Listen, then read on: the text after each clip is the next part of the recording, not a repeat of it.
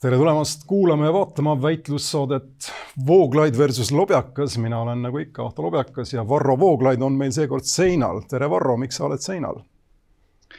no tervist, tervist kõigile vaatajatele, vaatajatele ja kuulajatele. Ja no minu kodus viibimise põhjus on väga lihtne, et ma hommikul tegin lahti ühe ankeedi, kuhu ühte lahtrisse oli kirjutatud positiivne. et tegemist ei olnud õnneks HIV testiga, vaid ikkagi koroonatestiga, nii et midagi hullu ei ole aga nii palju on hullu, et kodus pean istuma järgmised, mis ta siis teeb siin, noh, mõnda aega, ikka vähemalt järgmise nädala lõpuni. Kui tervis paraneb selleks ajaks ja sinnamaani siis tänu headele tehnoloogilistele lahendustele on ilmselt üht-teist võimalik siiski ära teha ka siit viibides. igal juhul on sümboolne, et see aasta, mida võib ju ilma liialdamata nimetada selliseks koroona aastaks, lõpeb minu jaoks ka nii, et aasta viimasel päeval saan siis selle positiivse testi tulemuse sul on teatud mõttes selline, kas nüüd ütleme, ebaõiglane siis edumaa minu ees, kuna ma tegelikult ei tea, millest ma räägin, kui ma koroonast räägin. sul on nüüd vähemalt see kogemus olemas ja kogemus on kõik, on see, millest kõik algab ja äh, meil on plaan või oli plaan ja seda plaani me ka järgime, teha sellest saatest siis saade, mis vaatab lõppevale aastale tagasi. me ütleme ausalt ära, et me salvestame seda kõike kolmekümne esimesel detsembril ehk siis, kui ta eetrisse läheb nüüd juba uuel aastal, siis siis me räägime endiselt vanast aastast, aga tahame edasi vaadata ka tulevasse aastasse ja minu puhul ma tahaksin ka meenutada midagi, mis oli kunagi üleval, ütleme teemana aastal kaks tuhat või kui kaks tuhat aasta tuli, et aastaga, nulliga lõppev aastaga ise, ise, ise, iseenesest ei vahetu veel midagi, vaid ütleme siis ka kümnend antud juhul vahetub sellega, et tuleb aasta kaks tuhat kakskümmend üks ja ma läheksin ka tagasi natukene kogu sellesse kümnendisse, mis nüüd lõpeb. kui sa mul lubad, Varro, muidugi igal juhul äh, Anna meil on, meil on üks, äh, nagu me kokku leppisime, üks äh, selline lai kõikehaarav teema. see on siis lõppev aasta, võib-olla ka lõppev kümnend ning see, mida see kõik, mida me näinud oleme, tähendab ettenähtava tuleviku jaoks ja nagu ma sind ka enne saadet hoiatasin, Marro, siis ma tahaksin tagasi minna tegelikult ma näen sellist, ütleme, pikemat protsessi, mille erinevaid etappe me näeme lahti rullumas siin äh, aastatel, ütleme kaks tuhat kaksteist, kaks tuhat viisteist, kaks tuhat kaheksateist, kaks tuhat üheksateist. kaks tuhat kaksteist oli meil valeliku poliitika vastane protest, eks valitsus, Reformierakonna valitsus oli väga ebapopulaarne. Äh, kriitika tõusis, kaks tuhat viisteist oli meil rändekriis, valitsus ja üldse Euroopa ja ütleme, ÜRO muutusid ebapopulaarseks Eestis ja ka mujal veidikene teistsugustel põhjustel, aga ütleme niimoodi, et see kriitika nagu rullus edasi, eks kaks tuhat kaheksateist, kaks tuhat üheksateist olid meil valimiseelsed ajad, valimised tulid ka, valitsuse tuli EKRE äh, jällegi sellise kriitilise positsiooni najalt ning nüüd äh, oleme koroonakriisis, mille üheks nagu läbivaks jooneks on endiselt usalduse või laialdaselt ütleme siis, usalduse puudumine valitsuse, usalduse puudumine ka ekspertide vastu Äh, siin kuni vaktsiiniskeptikuteni välja ja mitte lihtsalt ütleme mingisuguse väikse osa seas ühiskonnast, vaid päris suures osas. Saksamaal ma vaatan näiteks on see, see number pandud kolmekümne viie protsendi kohale. ehk inimesed, kes ei kavatse ennast vaktsineerida lasta erinevatel põhjustel äh, Covidi vastu ja kusjuures see tähendab ka seda, et Saksamaal ütleme sellisel massivaktsineerimisel ei ole nagu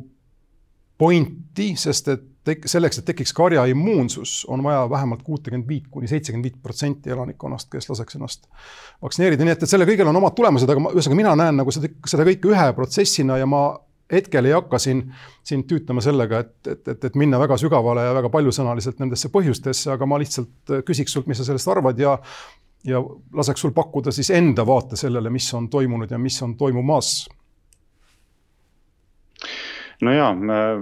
huvitav lähenemine, kahtlemata see on üks selliseid protsesse, mis on äh, andnud tooni viimasele aastakümnele, mitte lihtsalt sellele aastale, kuigi ka sellele aastale on kindlasti kõikvõimalikud need sotsiaalmeediast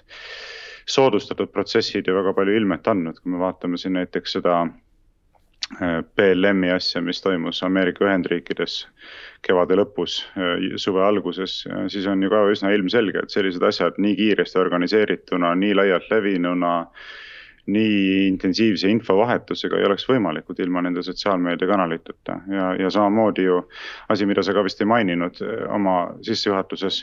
rääkides sotsiaalmeediast, kõikvõimalikud need värvilised revolutsioonid on ka ju osutunud võimalikuks paljuski läbi, läbi selle, et on olnud kasutuses sotsiaalmeedia platvormide võrgustik, mis võimaldab väga kiiresti väga suurt hulka inimesi mobiliseerida ühise eesmärgi teenistusse aga teine aspekt, mida ma selle protsessi juures muidugi esile tooksin, on ka see, et äh, võib öelda, et sotsiaalmeedia on võimestanud kodanikuühiskonda teatavate protsesside liikuma panemiseks, aga teistpidi ja ma ei tea, kas see tõsi on või mitte, aga vähemalt ma arvan, et hüpotees tasub püstitada. võib olla ka juhtunud see, et ta on loonud sellise, kuidas nüüd öelda, illusoorse väljundi oma kodunik, kodanikukohustuste täitmiseks ja kodaniku aktiivsuse ülesnäitamiseks. ehk selle asemel, et võib-olla midagi palju tõsisemat teha, midagi palju tõhusamat teha, inimesed kirjutavad, eks ole, järjekordse sissekande Facebooki ja arvavad, et nad on sellega teinud siis ära oma osa seonduvalt kodanikuks olemisega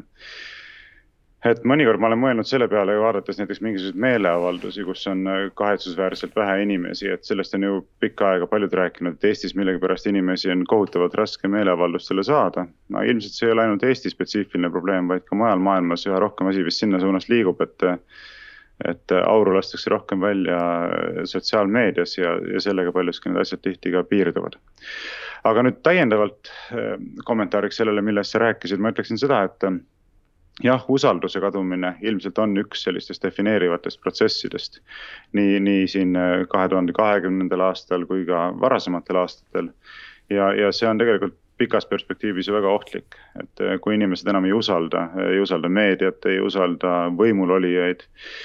võib-olla ei usalda ka meditsiinisüsteemi, noh siis äh, või ravimi, ravimi seda farmaatsiatööstust ja sellist, eks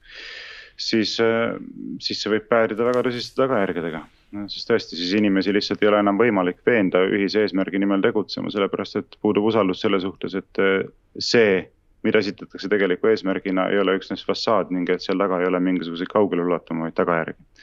aga omalt poolt ma lisaksin sinu öeldule ühe defineeriva märksõnana äh, sellise sõna nagu hirm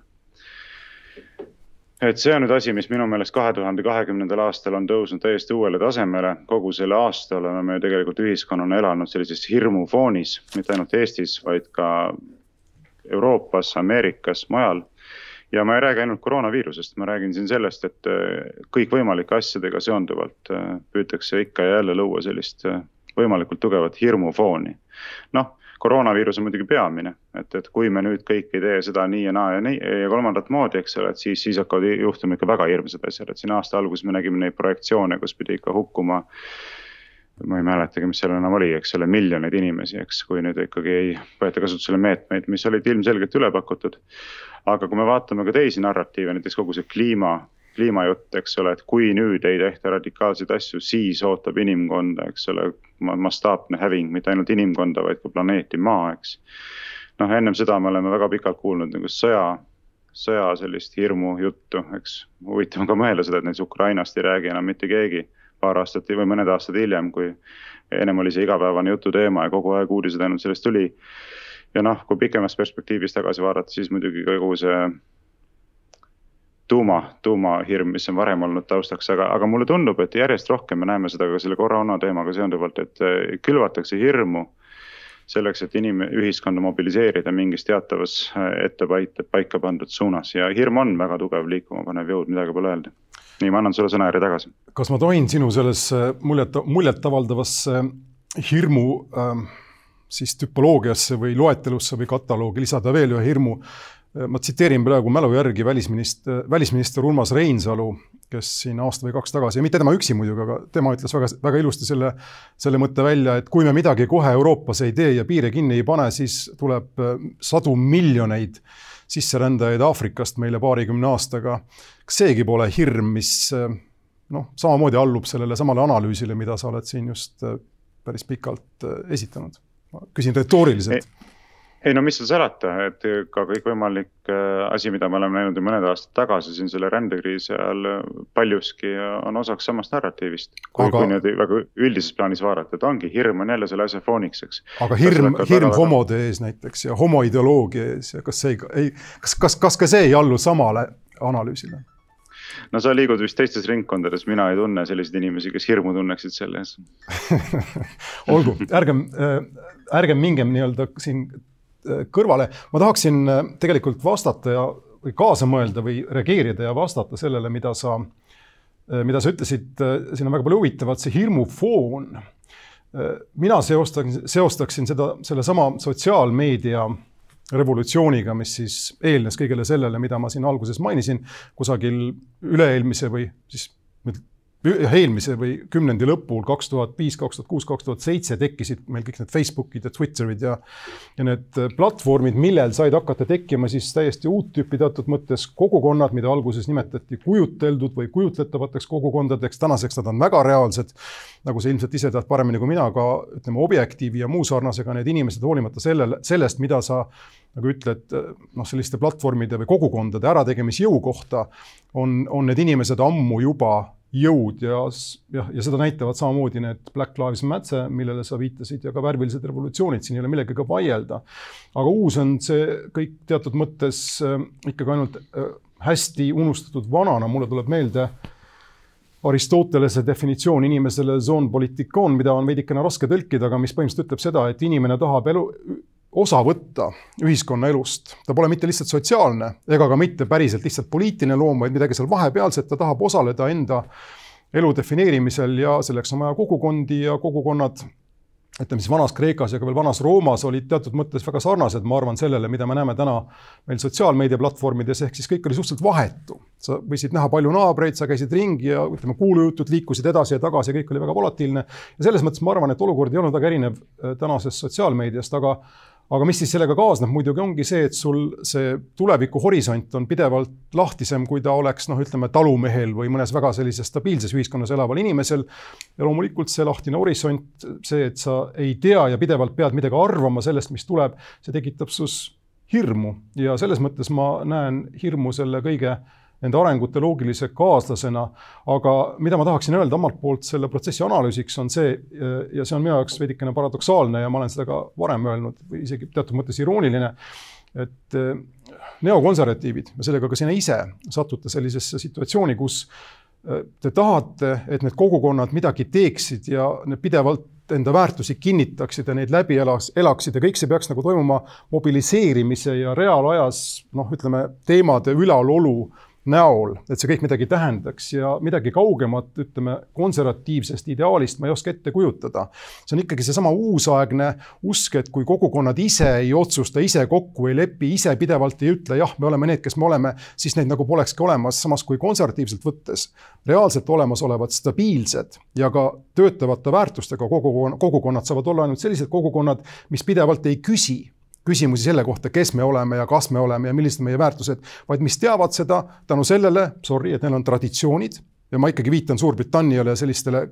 stabiilsetele keskkondadele, kus äh, suur osa sellest, mida meiegi täna peame nagu üle võtma, on sisse harjunud sajandite, sajandite vältel ja kus probleem tekib alles siis, kui sa hakkadki küsima, kus on meie inimesed ja miks ei ole nad patriootlikud ja kuidas neid mobiliseerida ja nii edasi. Ja siis tekivad probleemid ja nii edasi. et ma näen siin sellist irooniat, kui sa aru saad, mis ma mõtlen no ma arvan, ma saan aru osaliselt, ma ei ole kindel, et ma päris täpselt lõpuni sain su mõttekäigust aru, aga, aga nii palju, kui ma sain sellest aru, ma ütleksin seda, et, et ühelt poolt jah, teiselt poolt ei, et äh, ühelt poolt ma arvan, et sul on õigus, et äh, konservatiivse elukäsitluse juurde kuulub see, et me ei küsi nagu kõiki küsimusi kogu aeg, et me ei sea kõike kahtluse alla. noh, kuni sinnamaani välja, et ma ei tea, kas Eesti rahvus on olemas või või kas äh, Eesti kultuur kui selline on olemas või ma ei tea, kas on olemas moraalne tõde, kas on olemas üldse mingisugused moraalsed baasprintsiibid, mis on tõesed inimloomusest tulenevalt või kuni sinnamaani välja, eks ole, et ma ei küsi seda pidevalt oma enda käest iga hommiku hambaid pestes ja peegli ees seistes, et kas ma ikkagi olen mees või olen ma äkki hoopis naine, eks, et. et äh, ilma naljata selline asi päädib lõpuks nagu täieliku hullumeelsuse ja, ja ka teovõimetusega, sellepärast et ma saan ju tegelikult üldse midagi kasulikku, midagi väärtuslikku väärtuslikku oma eluga peale hakata. kui mul on olemas mingisugune elementaarne enesekindlus selle kohta, kes ma üleüldse inimesena olen, eks. ja ma arvan, et rahva tasandil on seesama tõdemus täpselt sama paikapidav, et kui meil ei ole mitte mingisugust arusaamist selle kohta, kes me oleme, me hommikust õhtuni vaevame oma pead selle küsimusega. noh, siis ma arvan, väga paljud olulised väärtuslikud asjad jäävad lihtsalt tegemata aga teiselt poolt ma ütleksin jällegi seda, et konservatiivse elukäsitluse juurde minu arvates ei kuulu see, et, et kodanikud peaksid, ma ei tea, siis pühenduma lihtsalt sellele nii-öelda jääma oma liistude juurde, tegelema ainult, tegema ainult oma sellist kitsast tööd hommikust õhtuni. mitte aga pühenduma ühiskondliku elu organiseerimisele ma küll arvan, et konservatiivse elukäsitluse juurde ei kuulu see, et igaüks meist peaks hommikust õhtuni tegelema nii-öelda riigi valitsemise küsimustega. et noh, konservatiivne mudel tegelikult ju mitte kuigi ammu veel oli väga selgelt monarhistlik mudel ja ka aristokraatlik mudel, et riigi valitsemisega tegelevad need, kes on saanud selleks kohase ettevalmistuse ja kellel on teiste inimeste usaldus selle töö tegemiseks. Äh, küll aga konservatiivse elukäsitluse juurde peaks kuuluma see, et iga inimene panustab omaenda ümber elu korraldamisele, et, et et ütleme, sellises traditsioonilises ühiskonnas inimeste võimalus ja vabadus korraldada elu omaenda ümber, näiteks oma perekonnas, oma külakeskkonnas, eks, võib-olla ka laiemas mingisuguses territoriaalses üksuses. oli palju suurem, kui ta on seda praegu, et noh, sellist asja pole olnud, et kuskilt Euroopa keskvõimu poolt kirjutatakse ette, et ma ei tea, millisel moel tuleb küla kiigeplats teha, eks ole, et noh, piltlikult öeldes no ma ei tea, kui palju ma nüüd vastasin sinu kommentaarile või mitte, aga need mõtted mul tekkisid sind kuulates ähm jah, see on, ei, sa vastasid täiesti, ähm, vastasid huvitavalt ja vastasid enam-vähem kõik äh, ära, mida ma olin, millele ma, mille ma olin õhku visanud, aga ühesõnaga, mis mulle siin nüüd kõrva jäi siin natukene, ütleme mööda minnes ja ma ei taha väga kinni jääda sellesse teemasse, aga see, et sa ütled, et sa tead, et või ühesõnaga, et, et, et hommikuti ei tohiks ega tahaks küsida, kas sa oled mees või naine ma ei saa hästi aru, mis probleem on inimestel nagu sina ja noh, paljudel teistel sellega näiteks, et võib olla ju mitte tingimata sada protsenti mees, et mees ei tähenda binaarset jaotust, et on kas mees või naine.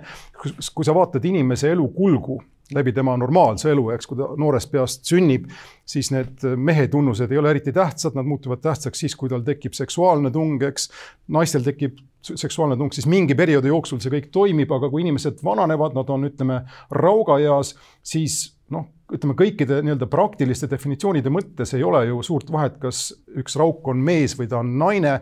palju olulisem on see, et ta on elutark, ta on sulle noh, ütleme kas vanaisa või vanaemana armas või mis iganes, aga inimesed puht bioloogiliselt ja väljaspoolt vaadates muutuvad nagu noh, üha sarnasemaks, nad aseksualiseeruvad, eks. ja kõige selle taustal, mis minu jaoks on noh, iseenesest täiesti konservatiivne mõttekäik, ma ei saa aru, kuidas inimesed ei, ei ole nõus Uku Masinguga, kes ütleb, et äh, iga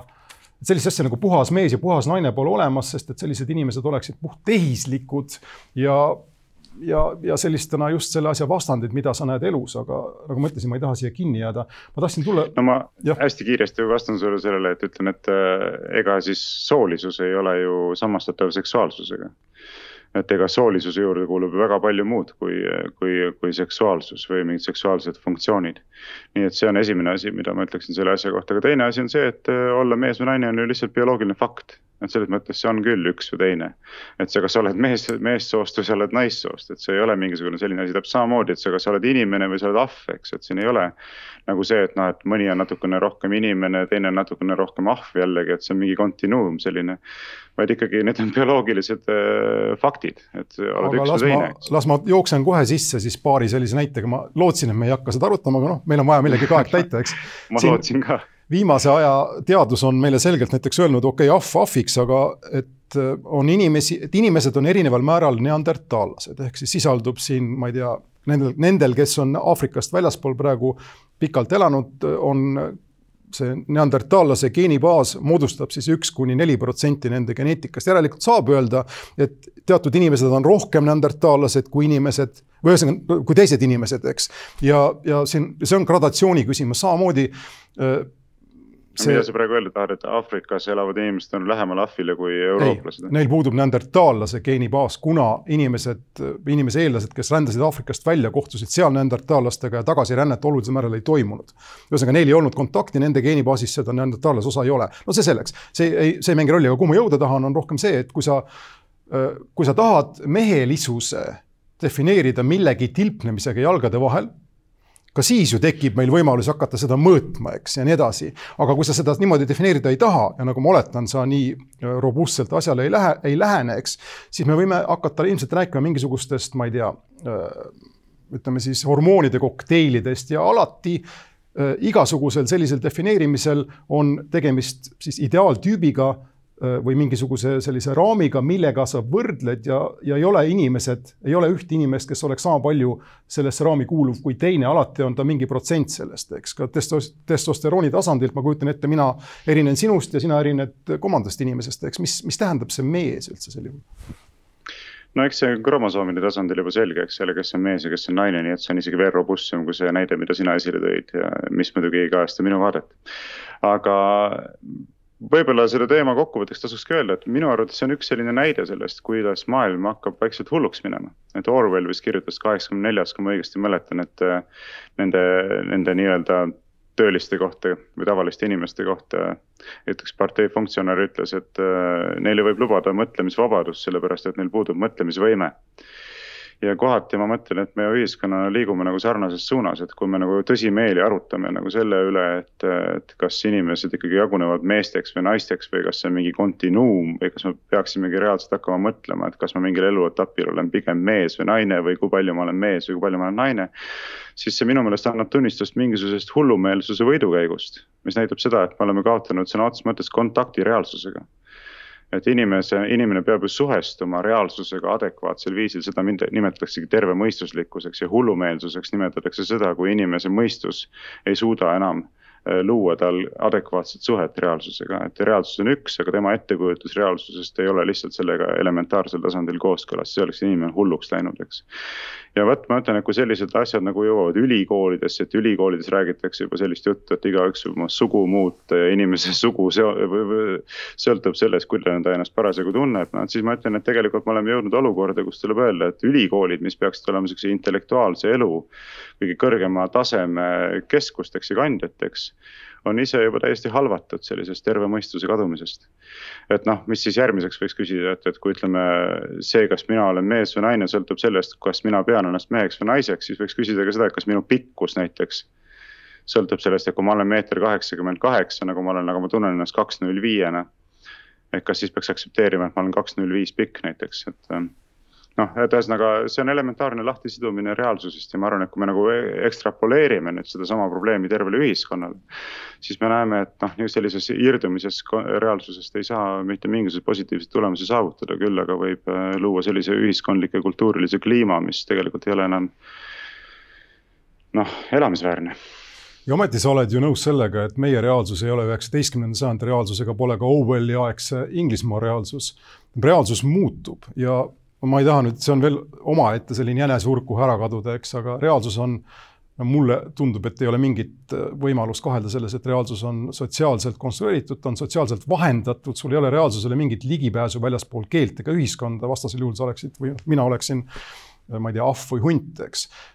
ma panin ka tähele seda no,, kuidas sa. hüppad, hüppad, hüppad aknast alla näiteks ja saad kohe väga selge ligipääsu reaalsusele, vaatad, mis juhtub, et äh, üritas konstrueerida seda pehmet maandumist, kui sa viienda korruse aknast välja hüppad, et äh,. ei soovita, ei soovita, igaks juhuks ütlen. vahe on selles, äh, mida ütlevad füüsikaseadused maailma kohta ja mida ütlevad füüsikaseadused inimese kohta. Äh, aastasadu oli kombeks, et inimesed või ütleme siis ka beebid, kes sündisid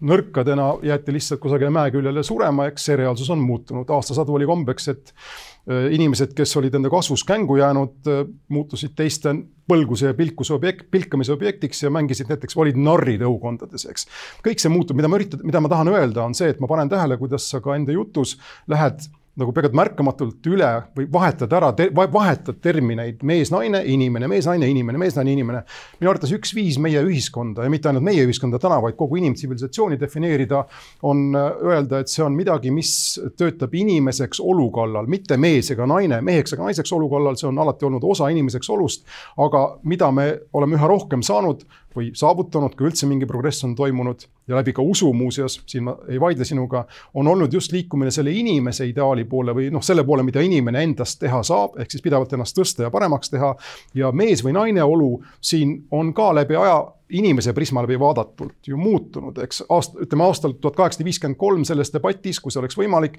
ütleksid sina, naised ei ole jumala poolt loodud hääletama. mina ütleksin, et aga nad on inimesed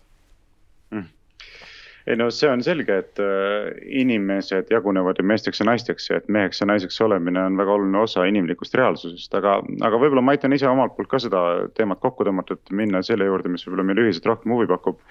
ja ei ketra seda juttu praegu edasi, kuigi võiks aga ma võtaksin kinni sellest, mida sa ütlesid, et reaalsus muutub reaalselt. Ja muidugi muutub, aga küsimus on eh, lihtsalt selles, et kas meie muutume koos reaalsusega või meie ise muudame reaalsust, eks. et ega igasugune reaalsuse muutus ei ole positiivne. Ja see on üks selline suur viga, mida ma olen näinud eh, väga paljude selliste ennast progressiivistidena määratlevate inimeste arutluskäikudes, et et ajaga tuleb kaasas käia, ajad muutuvad ja meie peame muutuma koos aegadega. ei, mina olen alati vastupidi arvan, et ajad peaksid käima inimestega kaasas ja muutuma koos inimestega ja mõtlemisega, eks, printsiipidega, et, et, et me peame korrastama, ütleme nagu, ütleme, võtame sellise aedniku näite. et no üks variant on öelda niimoodi, et mina pean nüüd kohanduma sellele, kuidas aias hakkab umbrohi vohama, eks teine variant on öelda, et aed peab kohanduma sellele, et mina tahan näha, et ta näeks ilus välja, eks ole, ja sellepärast umbrohi peab sealt aiast kaduma. et äh, ma ei taha nüüd, ära nüüd tõmba mingeid paralleele siin umbrohuga, et see, see ei ole üldse praegu asjakohane aga mida ma tahan öelda, on see, et me peaksime ikkagi ise püüdma ajalugu juhtida, mitte olema lihtsalt nagu millimallikad, mis nagu triivivad ajalooga kaasa. aga, aga muutustest rääkides, see aasta on nüüd, nüüd suurepärane näide sellest, et, et tõepoolest ühiskondlik reaalsus võib ikka muutuda hämmastavalt kiiresti. et kui ma siin ennem saadet mõtlesingi, et millest rääkida, siis minu, minu arvates see on üks selliseid peamisi tõdemusi selle kahe tuhande kahekümnenda aasta kohta, et kui me mõtleme ennast tagasi näiteks kaksteist kuud, kolmekümne esimesse detsembrisse kahe tuhande üheksateistkümnendal aastal, jah, seal vist juba natuke natukene midagi räägiti. aga peaaegu mitte keegi veel ei rääkinud mitte midagi koroonaviiruse levikust, eks. aasta esimestel nädalatel hakkas vist jutt pihta sellest, et Hiinas nüüd on mingisugune jama lahti läinud ja nii edasi nii et aasta ajaga on maailm tegelikult ikka tohutult palju muutunud. inimesed ei saa enam reisida, inimesed on pikalt pidanud kodudes kinni istuma, ei saa liikuda, peavad maske kandma avalikes kohtades, ei tunne teineteist enam tänaval ära, ei näe teineteist, eks ole. Äh, inimesed haiglates on surnud väga paljud üksinda, ilma et lähedased oleksid saanud neid külastama minna, paljud lapsed on sündinud ilma, et nende isad oleksid saanud haiglates viibida no kuidas need inglased ütlevad, you name it, eks, et siin on väga pikk, väga pikk nimekiri, mida võiks veel esile tuua, aga fakt on see, et äh, noh, mis fakt, ütleme järeldus, lihtne järeldus on see, et väga-väga vähe inimesi on, kes aasta tagasi oskasid kujutada ette, et maailm võiks aastaga niivõrd palju muutuda, et see võiks meid küll mõtlema panna. see on nüüd väga ja see on nüüd väga, ütleme, sa avasid päris mitu horisonti siin see, selle muutmise ja muutumisega jällegi, kui sa räägid vajadusest, ma olen täiesti nõus sellega, et jutt äh, vajadusest aeg, ajaga kaasas käia ja, ja, ja, ja nii-öelda noh, kõik see on, ei, ei oma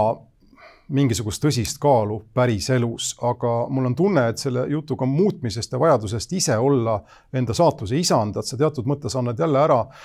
sõrme ja siis käe ja ülejäänu endast sellele liberalismi või ütleme, valgustusaja saatanale, kust alates see mõte üldse tekkida sai, et inimene on ise oma saatuse peremees, eks varem ta oli aheldatud või kinnitatud mingisugusesse kosmilisse korda ja,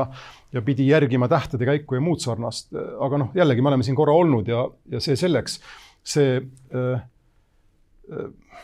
ma lihtsalt pistan sulle vahele seda, et ütlen, et see, see loomulikult ei ole absoluutne, et me keegi ei saa oma elu nagu juhtida absoluutselt ja ühiskonna samamoodi, et reaalsus seab sellele piirid, eks, kasvõi ma ei tea, füüsikaseadused seavad sellele piirid. et loomulikult tuleb arvestada ümbritsevate seaduspäradega, aga nende seaduspärade raames ometi peab äh, ju tunnistama, et me peame olema suutelised ise oma elu juhtima, vastasel juhul inimlik vabadus on täielik sõnakõlks. jah, jah, aga siin, mis on, ühesõnaga, kuhu ma jõuda tahtsin ja, ja, ja mida ma nüüd öelda tahan, on see, et siin on selline vahepealne ala, kuhu minu arvates noh, kas sa pole veel jõudnud või sa ei tahagi võib-olla jõuda. aga loomulikult on meil olemas rida asju, mida pole üldse mõtet ignoreerida ja muuhulgas on, noh, kuulub sinna, ma ei tea, päikese või maa tiirlemine ümber päikese ja kõik see, mis kaasneb siin, ma ei tea, päevade ja öö vaheldumise ja aastaaegade ja muuga sarnasega, aga see, see, see, see, see ala, kus me saame rääkida muutusest mõttekalt, on just see, millest me alustasime juttu, ehk siis inimkogukonnad, ühiskonnad ja nii edasi. ning siin on põhimõtteliselt kaks varianti, üks on vaadata, mis töötab mingites väga kitsastes piirides analüüsida seda, mis toimub ja väga väikeste sammudega muuta, see on minu jaoks konservatiiv, ütleme konservatiivne ja ka konservatiivliberaalne elule lähenemine kohtades, mis on nautinud pikka ühiskondlikku stabiilsust, jällegi Suurbritannias. teine variant on, tulevad inimesed, kellel on suured ideed suured plaanid ühiskonna jaoks nagu Marx, Engels, Lenin ja mis, miks mitte ka, ma ei tea, siin väga noh, ütleme Henn Põlluaas, eks. kes tahavad siis panna selle templi ühiskonna peale ja sundida kõik, ma ei tea, rahvusluse mingi idee järgi käima ja nii edasi. Need on mõlemad ühtepidi väärarengud ja, ja niimoodi elu ütleme, poliitikat, ühiskonda muuta ei saa ega ka tohi, sellest tuleb ainult halba. ja, ja see on see koht, kus ma siis tahan öelda seda, et, et, et see muutmine või muutumine sellesse tuleb suhtuda väga ettevaatlikult ja kui me räägime siin koroona kontekstis aastast kaks tuhat kakskümmend, siis ma ausalt öeldes arvan, et kogu see jutt sellest, mida valitsus tegi õigesti või valesti, on, on õhu raiskamine. ka siin me näeme seda, et kuude kaupa, noh, ütleme siis pilt sellest, mis toimus, nendel inimestel, kes otsuseid teevad ja tegid, paraneb ja ma võin loota seda, et aastal kaks tuhat kakskümmend üks, mis ilmselt muut-, kaob ka siis või möödub koroona perspektiivi tähe all, on õpitud midagi sellest lõppevast aastast ja, ja ma ei süüdistaks kedagi selles, et tal kohe puudus alguses plaan, kuidas selle asjaga hakkama saada. ühiskonnaelu on keeruline, inimeste elu on keeruline ja, ja parim, mida me võime loota, on seesama selline samm-sammuline, graduaalne, järk-järguline protsess, mille käigus oluline on see, et see, mis on hea, selles, mida tehti, hoitakse alles ja see, mis on halb, jäetakse maha, eks ma usun, et siin me tegelikult oleme üsna lähestikku üksteisele nende mõtetega, aga siia ei kuulu mõtted nagu kommunism, sotsialism, rahvuslus, ma ei tea, midagi sarnast, eks nendel ei ole kohta selles asjas praegu absoluutselt. see ei tähenda tehnokraatia võimutsemist, aga kriisiolukordades eriti on ainukene asi, mis töötab, just selline võime õppida lühemas ja keskmises perspektiivis äh,. oluline. kommun-, mis sa nimetasid, kommunism ja no igasugused, ütleme, ütleme gei ideoloogia ja rahvuslus on võrdselt ühel, võrdselt mittevajalikud ja kohatud sellistes küsimustes, eks no ma ei paneks rahvuslust siiski kommunismi ja natsionaalsotsialismiga ühte gei, gei ideoloogiaga paned ühte, panen ta ühte patta. Mm, ei pane sellega ka ja muuseas oli päris huvitav kuulata, sa rääkisid, mis sa ütlesid seal äh,. Marx äh,, Lenin ja Engels ja Põlluaas. talle, talle meeldib ma... tsiteerida Platonit läbi äh, kolmandajärguliste tõlgendajate, no ma veidike ironiseerisin nojah, aga noh, tõsi on muidugi see, et ega Põlluaasal ei ole ju üldse mitte mingisugust radikaalset plaani ühiskonna ümberkorraldamiseks nagu Marxil ja Leninil see ilmselgelt oli, et äh, Enn Põlluaas seisab, äh, nii palju kui mina tean, väga lihtsalt põhiseaduse alusideaalide kaitsel äh, sellise siira rahvuslasena. et see võib meeldida või see võib mitte meeldida, aga mitte mingisugust revolutsioonilist plaani ühiskonna ümberkorraldamiseks tal ilmselgelt ei ole. nii et tema ma tõstaksin sellest reast loomulikult välja aga ei, mul on selles mõttes hea meel, et sa ütled ka seda, et, et tegelikult see on üksnes tervemõistuslik, et me ei tohiks äh, ühiskondlikus areng, ühiskondliku arengu poole pürgida läbi selliste murrangute ja, ja revolutsiooniliste ümberkorralduste, vaid ikkagi püüdes nagu esiteks aru saada sellest, mis on need asjad, mida tuleb säilitada, hoida ja austada ja, ja seejärel vaadata, et okei okay,, et mis on see osa, mida üldse tohib muuta, mida tohib puutuda, millega tohib eksperimenteerida ja kuidas seda siis nagu teha sellisel viisil, et see reaalselt äh, viiks meid ühiskonnana edasi, mitte tagasi. et ma veel kord tulen selle mõtte juurde, mis minu meelest on tohutult oluline, et, et igasugune muutus ei ole progress see ühelt poolt kõlab nagu banaalselt elementaarsena, aga teiselt poolt ma ikka ja jälle näen, kuidas selle vastu eksitakse, kuidas kogu aeg räägitakse, et oi ei, et ka muutustega tuleb kaasas käia, osad inimesed, näiteks hiljuti vist Iiris Petta, üks sotsioloog, osutas ühes intervjuus sellele, et ja, et konservatiivide häda on see, et, et lihtsalt Eesti ühiskonnas on ikkagi piisav hulk inimesi, kellele pole osatud tähelepanu pöörata ja nende inimeste mureks on see, et nad ei oska nagu ajaga kaasas käia või nad ei oska muutustega kohaneda. noh, ma mõtlesin, ma sotsiaalmeedias nagu äh, kellegagi rääkides tõmbasin selle paralleeli, et ilmselt oli ka neljakümnendate aastate alguses võimalik nagu rääkida nagu tervest hulgast nagu Eesti kodanikest, kelle probleemiks on see, et nad ei oska muutustega kohaneda, et näed, et osad inimesed on tublisti läinud kolhoosi tööle, leidnud omale uue rakenduse, eks ju, elu edeneb, saanud omale uue korteri ja nii edasi. aga teised inimesed ikka ühe lehmaga kuskil seal tilkuva katusega kössitavad metsatukast aluseks. et näed, inimesed ei oska muutustega kohaneda, et et mitte, et üks-üheselt saaks paralleele tõmmata tolle ja praeguse aja vahele, aga ma tahan öelda lihtsalt seda, et alati peab olema mingisugune põhimõtetest koosnev taustsüsteem, millele toetudes hinnata, kas mingisugused muutused kujutavad endast progressi või regressi ja sellega seonduvalt, et kas nendega üldse tuleb kaasa minna või tuleks need muutused pigem üritada tagasi pöörata. ja hoiatada inimesi, et mitte nende asjadega kaasa minna, sest see lõpeb lihtsalt halvasti no siin me jääme muidugi eri äh, positsioonidel, oleme alati olnud ja oleme ka edaspidi ilmselt, sest et minu jaoks avaneb veel üks mõõde ja see mõõde on põhimõtteliselt teatud ühiskonnakorraldustes sisalduv õppimismoment, ehk siis erinevad ühiskonnad, kes on erineva sammuga käinud seda rada teatud ideaalide suunas või neid ideaalid kuidagi enda ette projitseerinud. Äh, nende vahel on võimalik võrrelda, eks, ja need ühiskonnad, mis on seda liikunud, ütleme siis vaba ühiskonna suunas või on vabasse ühiskonda, suhteliselt vabasse ühiskonda jõudnud hiljem,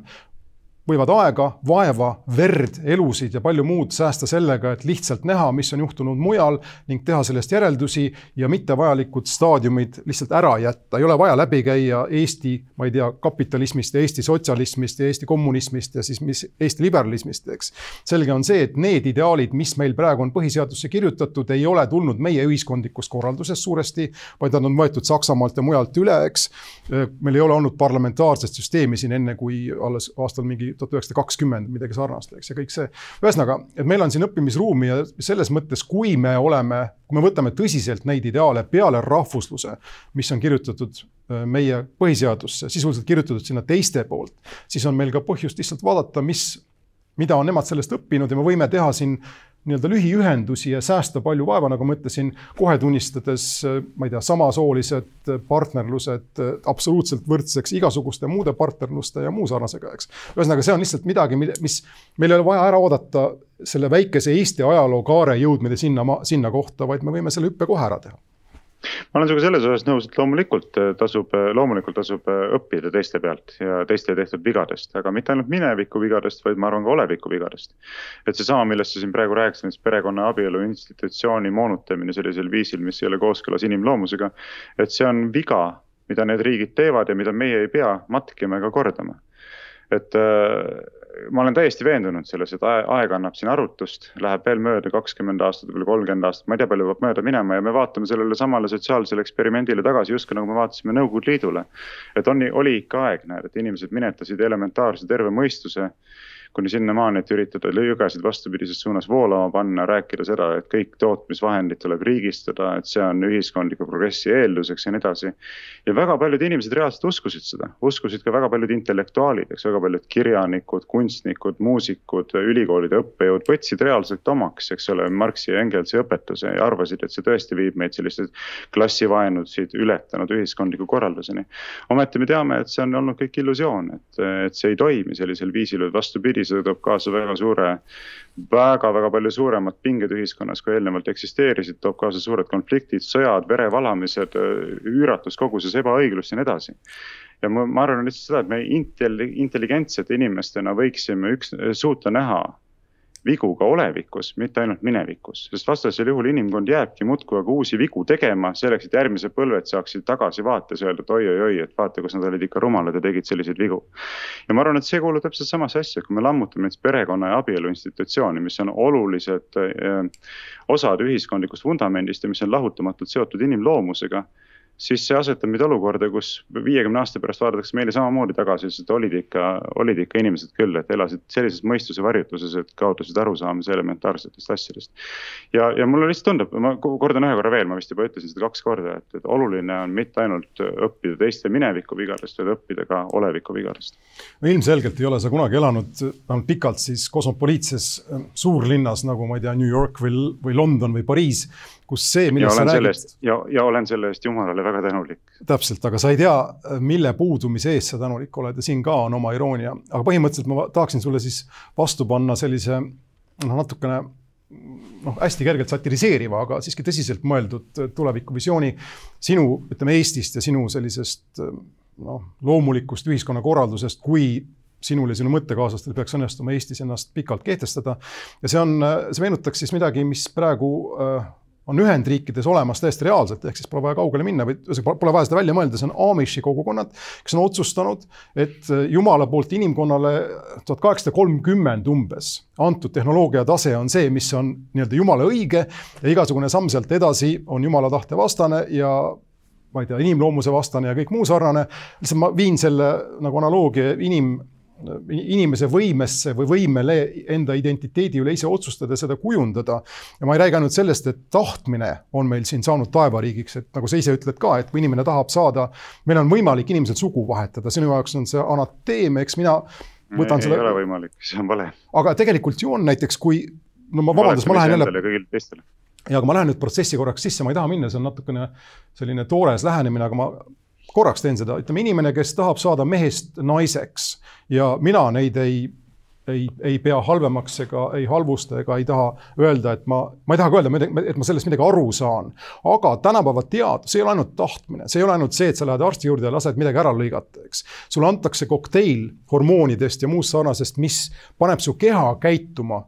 sa muigad, nagu ma räägiksin midagi, mida ma üritan teistele maha müüa, ei. ma lihtsalt tahan sind veenda selles, et tegelikult, mida sa, millele sa nagu ei vaata ja, ja mis mõttes sa käitud või noh, sinu vaade on teatud mõttes nagu aamishlik, on see, et sa eirad tehnoloogia võimestavat rolli selles kõiges, on võimalik inimese keha panna nendesamade hormoon, hormoonide kokteilidega ja nii edasi, tundma ennast, ütleme mehe keha tundma ennast naisena. ja kui inimene tahab niimoodi valida, teeb selle valiku, enda identiteedi sellisena määratleb, siis tänases ühiskonnas ma ütleksin, see on väärtustega täiesti kooskõlas ja inimesed, kes tahavad peatada meie väärtuste liikumise koos tehnoloogia ja muu sarnasega, neil on omad põhjused, ma ei ütle, et nad ei oleks noh, ütleme niimoodi, et, et nende mõte oleks täiesti tühi või mis iganes, aga nad üritavad panna pidurit millelegi, mille osad nad juba ise nagunii on. saad aru? Sinu vaatepunkt oleks mõistetav, kui sa elaksid kusagil mäeküljel mingis koopas ja oleksid kaks tuhat aastat eemal olnud inimkonna arengust, eks, aga sa ei ole seda, sa tahad lihtsalt piduri panna aastasse kaks tuhat, ma ei tea, mingi, ütleme kaks tuhat või võib-olla tuhat kaheksasada kolmkümmend, ega ma ei tea. Ei, ma ei taha üldse pidurit panna tehnoloogilises mõttes. Ähm, äh, ma ei ole kuskil seda öelnud, et tehnoloogiline areng oleks iseenesest halb, et äh, kaugel sellest aga lihtsalt korraks sinu näidet puudutades, et kujutame ette, et meil on võimalik inimesele sisse sööta mingisugune hormonaalne kokteil sinu väljendit kasutades või siis ka manipuleerida inimese enesetunnetust, ütleme kuidagi närvide tasandil või noh, tehnoloogiliselt ütleme ühel või teisel moel. nii, et inimene hakkab tundma, et ta on mitte näiteks see, et mees hakkab tundma, et ta on naine, vaid ta hakkab tundma, et ta on kana et kas me võiksime sellisel juhul öelda, et inimesel on võimalik liiki vahetada. et kui ikkagi inimene tunneb ennast täiesti, et tema on kana või et ta on koer või et ta on hobune et sellisel juhul ongi, et näed, liigi muutmine on osutunud võimalikuks. mina ütlen, et mitte mingisugust liigi ega soo muutmist pole võimalikuks osutunud. võimalikuks on osutunud lihtsalt hullumeelsuse võidukäik, kus inimesed minetavad kontakti reaalsusega. et kui sa näiteks, ma ei tea, lõikad kelleltki suguorganid otsast ära ja annad talle mingisugused hormoonid sisse, mille tõttu tal hakkavad rinnad kasvama, siis sa põhimõtteliselt oled mutileerinud inimese ära lihtsalt. ja aidanud kaasa sellele, et ta saaks elada oma eksiarvamuses, justkui ta oleks sugu vahetanud, tegelikult ju keegi sugu ei vaheta. ja, ja see ongi vaata see, millest ma eelnevalt rääkisin, et me oleme jõudnud olukorda, kus me minetame kontakti reaalsusega. see, see on, see on hullumeelsuse, hullumeelsuse ajastu selles mõttes. et me tõsimeeli, näiteks meiegi siin saates ju praegu tõsimeeli arutame selle üle, et kas kellelgi on võimalik oma sugu vahetada. noh kolmkümmend aastat tagasi veel, kui keegi oleks kuulanud sellist juttu, et kaks täiskasvanud inimest räägivad selle üle, et kas inimene saab vahetada oma sugu või mitte, nad oleks öelnud, et need inimesed tuleb saata hullumajja, noh. ja kolmkümmend aastat tagasi, kui keegi oleks öelnud, et sa oled siin seinal minu vastas, me läheme otse-eetrisse, nad, nad oleksid öelnud, sa oled hull, sind tuleb saata hullumajja. sa jällegi nagu irooniat ei hinda selles kõiges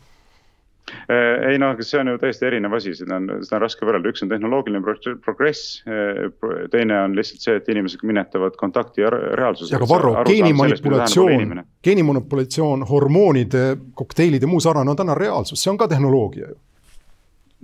reaalsus on see, et saab teha erinevaid operatsioone ja sööta sisse erinevaid hormoone, see on selge. aga, mida ma öelda, eel-, üks, midagi oli eelnevalt, ma tegelikult ei tahtnud üldse sellesse takerduda. aa, muuseas tuli meelde, et sa rääkisid siin Amishitest ja nii edasi, et äh, noh, nali naljaks, eks, ma ei tea, või ma ei tea, niivõrd kui see nali oli aga sa ilmselt oled kuulnud ka seda, et äh, viimastel aastatel tehtud uuringud näitavad, et kui siiamaani on pidevalt inimeste keskmine intellektuaalne tase tõusnud, vähemalt lääne ühiskonnas, ma ei tea, kuidas mujal on, siis äh, nüüd on see tõus mitte ainult pidurdunud ja peatunud, vaid pöördunud langusele. ja, ja pikemas perspektiivis saab olema väga huvitav vaadata, et mis selle protsessiga saama hakkab, et võib täiesti vabalt olla ka selline asi, et, et me kujuneme selliseks ühiskonnaks, mis moodustub äh, tehnoloogiliselt kõrgelt arenenud idiootidest et äh, kui äh, näiteks veel, ma ei tea, viiskümmend, kuuskümmend, seitsekümmend aastat tagasi oli koolis väga tavaline see, et reaalselt tuli asju pähe õppida väga palju asju tuli pähe õppida, sellepärast et kui sa oled selle asja pähe õppinud, siis see kinnistub sinu mälus ja sul on olemas mingisugused baasteadmised,